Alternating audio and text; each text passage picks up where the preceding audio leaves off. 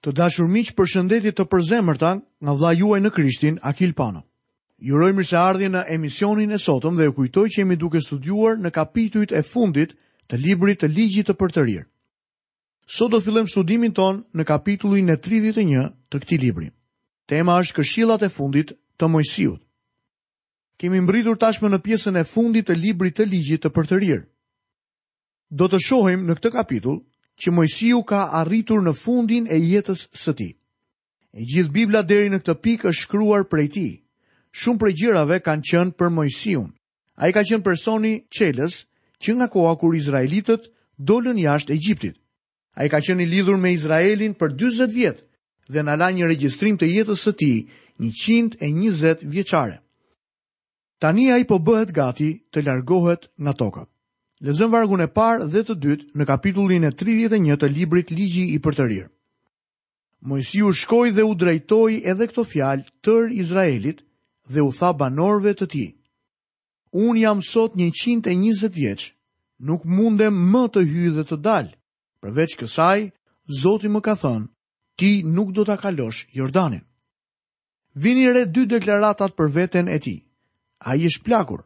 Të gjithë ne plakemi dhe shumica prej nesh nuk kanë për të arritur deri në moshën njëqind e njëzet vjeçare.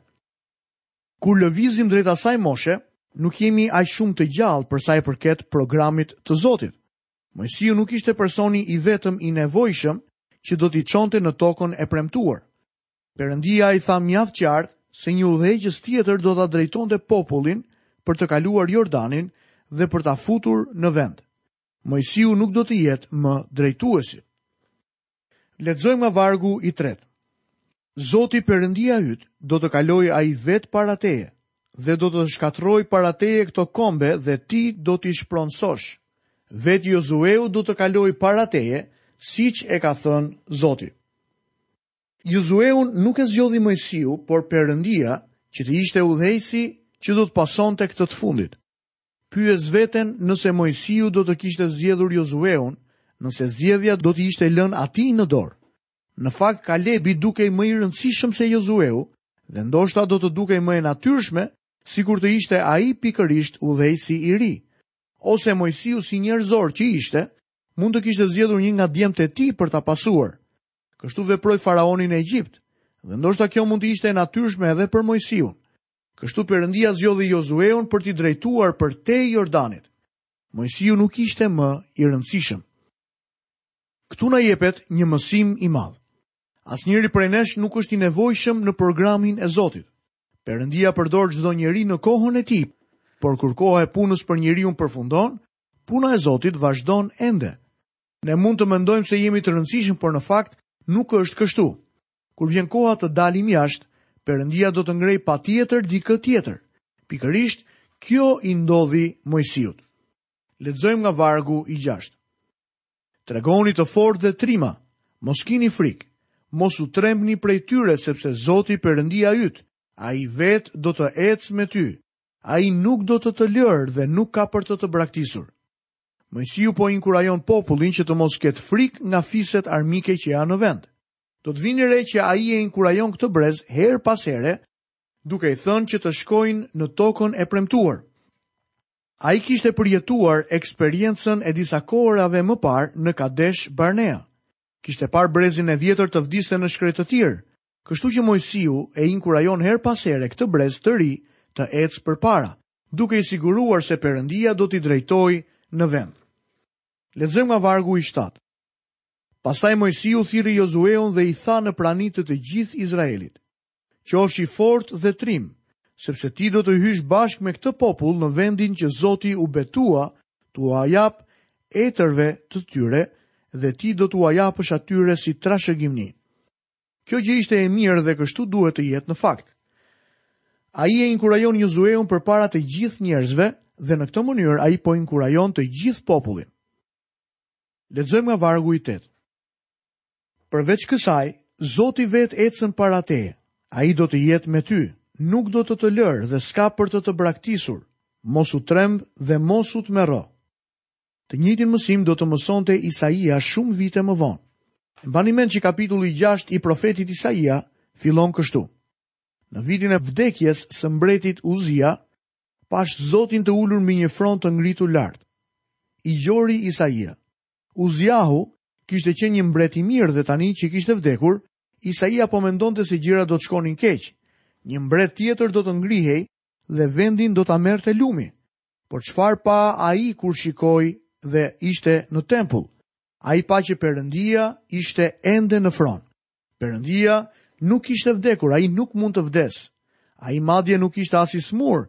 Isaia mësoi edhe pse Uziahu kishte vdekur, Perëndia ishte më i gjallë se kurrë. Lexojmë vargun e 9. Kështu Moisiu e shkroi këtë ligj dhe ia dorëzoi priftërinjve, bijve të Levit, që mbajnë arkën e besëlidhjes së Zotit dhe të gjithë pleqve të Izraelit. Mbani mend se Ligji i Përtërirë fillon kështu. Këto janë fjalët që foli Moisiu. Në këtë libër gjenden rreth tetë fjalime të Moisiut, të dhëna me gojë dhe pastaj të shkruara. Moisiu e shkroi këtë ligj. Ndoshta mund të keni dëgjuar që ekziston një teori e quajtur teoria e Graf Uelhausenit që mohon autoritetin e Mojsiut duke i konsideruar të pesë librat e parë të Biblës si dokumenta historike që ishin hartuar pak kohë para vitit 400 para Krishtit. Argumenti origjinal për këtë teori ishte se shkrimi nuk ekzistonte në kohën e Mojsiut. Sigurisht që arkeologët kanë zbuluar se shkrimi ka ekzistuar shumë kohë përpara Moisiut. Kjo teori besohet nga krahu liberal i kishës për arsyen e thjeshtë se profecia e shmangies së Izraelit pas hyrjes në tokë është kaq e saktë saqë jobesimtari do të mendojë se është shkruar si histori dhe jo si profeci. Pikërisht në këtë kohë kur bijtë e Izraelit po bëhen gati për të hyrë në vend, Ndoshta mund të mendoni që Perëndia nuk do t'i lejonte të hynin nëse do të kishte rrezik të dështonin. Perëndia i tregon Mojsiut saktësisht atë që do të ndodhë. Zoti e njeh zemrën njerëzore. Ai e njeh qenien time dhe tënde. Miku im, unë dhe ti do të largohemi prej Zotit brenda 10 minutave nëse ai nuk na mban afër vetes së tij. Vini re se çfarë i thotë Zoti Mojsiut. Lexojmë nga vargjet 14. Pastaj Zoti i tha Mojsiut, Ja, dita e vdekjes sate po afrohet. Thirr Jozueun dhe paraqituni në çadrën e mbledhjes me qëllim që të mund t'i jap urdhërimet e mia, Mojsiu dhe Jozueu shkuan pra të paraqiten në çadrën e mbledhjes. Dhe Zoti u paraqit në çadër në një shtyllë reje, dhe shtylla e resë u ndal në hyrjen e çadrës. Dhe Zoti i tha Mojsiut, Ja, Ti do të shkosh të flesh bashkë me etërit e tu, dhe ky popull do të çohet dhe do të kurvërohet, duke shkuar pas perëndive të huaja të vendit në mes të të cilit po shkon, dhe do të më braktisë mua dhe do të shkelë besëlidhjen që kam lidhur me të, dhe atë ditë zemërimi im do të ndizet kundër tyre, unë do t'i braktis dhe do t'u fsheh fytyrën time dhe do të përpihen, shumë të këqija dhe fatkeqësi do t'u bien përsipër, Dhe atë ditë do të thonë, këto të këqija, na kanë zënë ndoshta sepse Perëndia ynë nuk është më mes nesh? A e dini që ka njerëz që thonë, ne jemi ndryshe sot, nuk ka mundësi që të largohemi nga Zoti. Por a e dini se Zoti Jezus tha të njëjtën gjë për kishën tek Luka 18:8, ai tha, po, unë ju them se ai do t'ua marrë hakun së shpejti, por kur të vijë biri i njeriut, a do të gjejë besim mbi tokë. Përgjigja e kësaj pyetjeje është jo. Në fakt, mënyra se si është formuluar pyetja në gjuhën greke i korrespondon një përgjigjeje negative.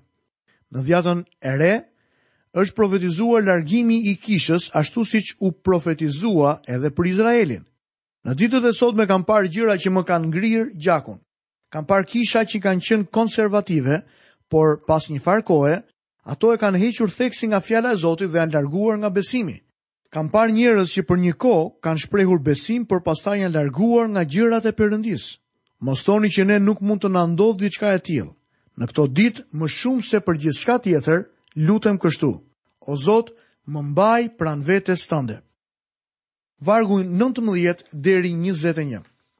Tani shkruajeni për ju këtë kantik dhe mësojuani bijve të Izraelit. Vëreni në gojën e tyre, me qëllim që ky kantik të më shërbejë si dëshmi kundër bijve të Izraelit, kur t'i kem futur në vendin që u premtova etërve të tyre me betim, aty ku rrjedh qumësht dhe mjaltë, dhe ata të kenë ngrënë, të jenë ngopur dhe të kenë vënë dhjam, atëherë do t'u drejtohen perëndive të tjera për t'i shërbyer dhe do të përçmojnë dhe do të shkelin besëlidhjen time. Atëherë do të ndodhë që kur shumë të këqija dhe fatkeqësi do t'u kenë zënë, ky himn fetar do të dëshmojë kundër tyre, sepse nuk do të harrohet dhe do të mbetet mbi buzët e pasardhësve të tyre. Unë njoh në fakt qëllimet e tyre edhe para se t'i kem futur në vendin që u kam premtuar me betim. Muzika është një faktor mjaft i rëndësishëm. Të gjithë ne ndikohemi fort prej saj. Muzika duhet të thotë diçka. Ajo duhet të ketë një mesazh që t'i afrojë njerëzit pranë Zotit Jezus. Në kapitullin tjetër do të lexojmë një këngë. Lexojmë më poshtë nga vargjet 24 deri 26. Kur Moisiu mbaroi së shkruari në një libër tërë fjalët e këtij ligji, u dha këtë urdhër levitëve që mbanin arkën e besëlidhjes së Zotit, duke thënë, Merreni këtë libër të ligjit dhe vendoseni në arkën e besëlidhjes së Zotit, Perëndisë tuaj, me qëllim që të mbetet si një dëshmi kundër teje. Ky libër nuk ishte një libër si ata që kemi sot. Ndoshta ishte një pergamen ose pllaka prej argjile. Gjithsesi në kohën e Mojsiut, ekzistonin pergamena dhe me shumë mundësi, ky ligj ka qenë i shkruar në një të tillë. Mojsiu po mbërrin në raportin e tij final për kombin e Izraelit. Ai thërret fiset e tij ashtu siç thirri edhe Jakobi plak dymbëdhjetë djemtë e tij. Dymbëdhjetë djemtë janë bërë dymbëdhjetë fise tashmë dhe tani janë një komb i madh. Mojsiu i thërret të gjithë ata pranë vetes. Lexojmë nga vargu 27 deri në vargun e 30. Sepse unë e njoh frymën tënde rebele dhe fortësinë e qafës sate. Ja, sot kur akoma jam i gjallë midis jush, ju u bëtë rebelë kundër Zotit, aq më tepër do të bëheni mbas vdekjes sime.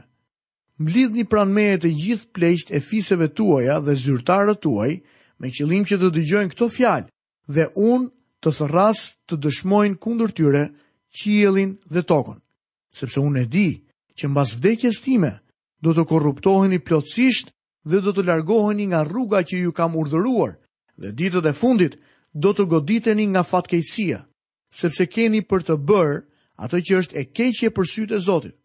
duke provokuar indinjatën e tij me veprën e duarve tuaja. Kështu Mojsiu në veshët e të gjithë asamblesë së Izraelit shqiptoi fjalët e këtij kantiku deri në fund. Mund t'ju them se deklarata e Mojsiut përpara tre mijë e pesëqind viteve është ende e saktë dhe e vërtetë sot. Ajo përmbush fjalë për fjalë. Kjo është e vërtetë edhe për familjen njerëzore sepse Perëndia tha se njerëzimi larg Zotit do të korruptohej. Mjafton vetëm të hedhim sytë rreth nesh dhe të kuptojmë se gjithçka është e vërtetë.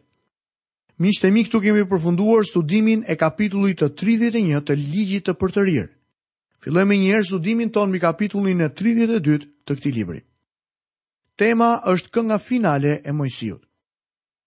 Kënga e Mojsiut është një këngë madhështore në shumë mënyra. Kombi i Izraelit duhet ta mësonte patjetër. Ajo këngë duhet të ishte si himni i tyre kombëtar. Kënga iu dha nga Perëndia dhe çdo izraelit duhet ta mësonte vetë dhe pastaj t'ia mësonte edhe fëmijëve të tij. Siç e thamë edhe më sipër, muzika është një faktor shumë i rëndësishëm në jetën e një kombi. Dikush ka thënë, më lejoni të shkruaj muzikën e një kombi dhe nuk dua t'ia di se kush i shkruan ligjet. Me fjalë të tjera, këngët kanë më shumë ndikim se sa ligjet. Nëse kjo është e vërtetë, atëherë ne sot ndodhemi në një gjendje të trishtueshme. Muzika moderne ka hyrë në një nivel që është tmerrësisht i frikshëm. Lexojmë nga vargu i parë i kapitullit të 32. Dëgjoni o qiej dhe unë do të flas, dhe dëgjo o tokë fjalët e gojës sime. Perëndia thërret qiellin dhe tokën si dëshmitarë, sepse këto janë kushtet në të cilat Ai po e vendos Izraelin në tokë. E njëjta thirrje bëhet edhe kur Perëndia nxjerr Izraelin nga toka në gjykim. Në fakt, libri i Isaias hapet në këtë mënyrë. Isaia kapitulli i parë, vargu i parë dhe i dytë na tregon. Vegimi i Isaias, birit të Amosit, që ai pa për Judën dhe Jeruzalemin në ditët e Uziahut, të Jothamit, të Ashazit dhe të Ezekias, mbretër të Judës. Dëgjoni o qiej dhe dëgjo o tokë sepse Zoti ka folur. Kam edukuar fëmijë dhe i rrita, ata u rebeluan kundër meje. Kur Perëndia e futi Izraelin në tokën e premtuar, ai thirri tokën dhe qiellin si dëshmitarë, Kur Zoti u bë gati për t'i nxjerrë jashtë vendit, rreth shtatëqind vjet më vonë, thirri sërish qiellin dhe tokën si dëshmitarë. Perëndia nuk po e bën këtë gjë i fshehur në një cep. Ai nuk e bën këtë gjë i mbuluar. Ai është i justifikuar në nxjerrjen e tyre jashtë vendit. Lexojmë nga vargu i dytë. Mësimi im do të zbresë si shiu. Fjala ime do të pikojë si vesa, si shiu i imët mbi barin e njomë dhe si një rrebesh mbi drurët e vegjël. Ky është përshkrimi i fjalës së Zotit. Psalmisti thotë, Ai do të zbresë si shiu mbi barin e kositur, si një rrebesh që vadit tokën. O sa më pëlqen kjo deklaratë. Një grua humbi burrin e saj që e donte shumë. Ajo i tha pastorit të saj se tani e kuptonte atë varg në psalm. Ajo ishte bari i kositur, por Perëndia erdhi tek ajo përmes fjalës së tij, si një shi i butë. Kështu do të zbresë fjala e Zotit në jetët tona. Në verë, kur është shumë nxehtë, toka mezi e pret shiun. Gjethet në pemë lahen dhe çdo gjë bëhet e pastër dhe e qartë. Perëndia dëshiron që fjala e tij të vijë në zemrat dhe jetët tona në të njëjtën mënyrë. Lexojmë vargun e tretë. Sepse unë shpall emrin e Zotit, lëvdoni Perëndinë tonë. Sa pak nga letërsia jonë shpall emrin e Zotit apo thotë diçka të mirë për të. Zakonisht emri i tij edhe kur përdoret, përdoret kot. Lexojmë më poshtë vargun e katërt. Ai është shkëmbi, vepra e tij është e përsosur, sepse në të gjitha rrugët e tij ka drejtësi. Është një perëndi që nuk e njeh padrejtësinë. Ai është i drejtë dhe i mirë. Kjo është kënga e shkëmbit. Fjala shkëmb në këtë këngë përmendet 7 herë. Zoti Jezu Krisht është quajtur shkëmbi, shkëmbi i shpëtimit tonë. Gjithashtu është quajtur guri i qoshes. Vepra e tij është e përsosur, Kjo këngë lartëson Zotin dhe ai dëshiron të lartësohet prej nesh. Lexojmë vargun e 5 dhe të 6. Por ata janë korruptuar, nuk janë bij të tij. Për shkak të fajit të tyre janë një brez i shtrembër dhe i degjeneruar. Kështu doni ta shpërbleni Zotin o popull i pamend dhe i marrë? A nuk është ai ati yt që të ka blerë?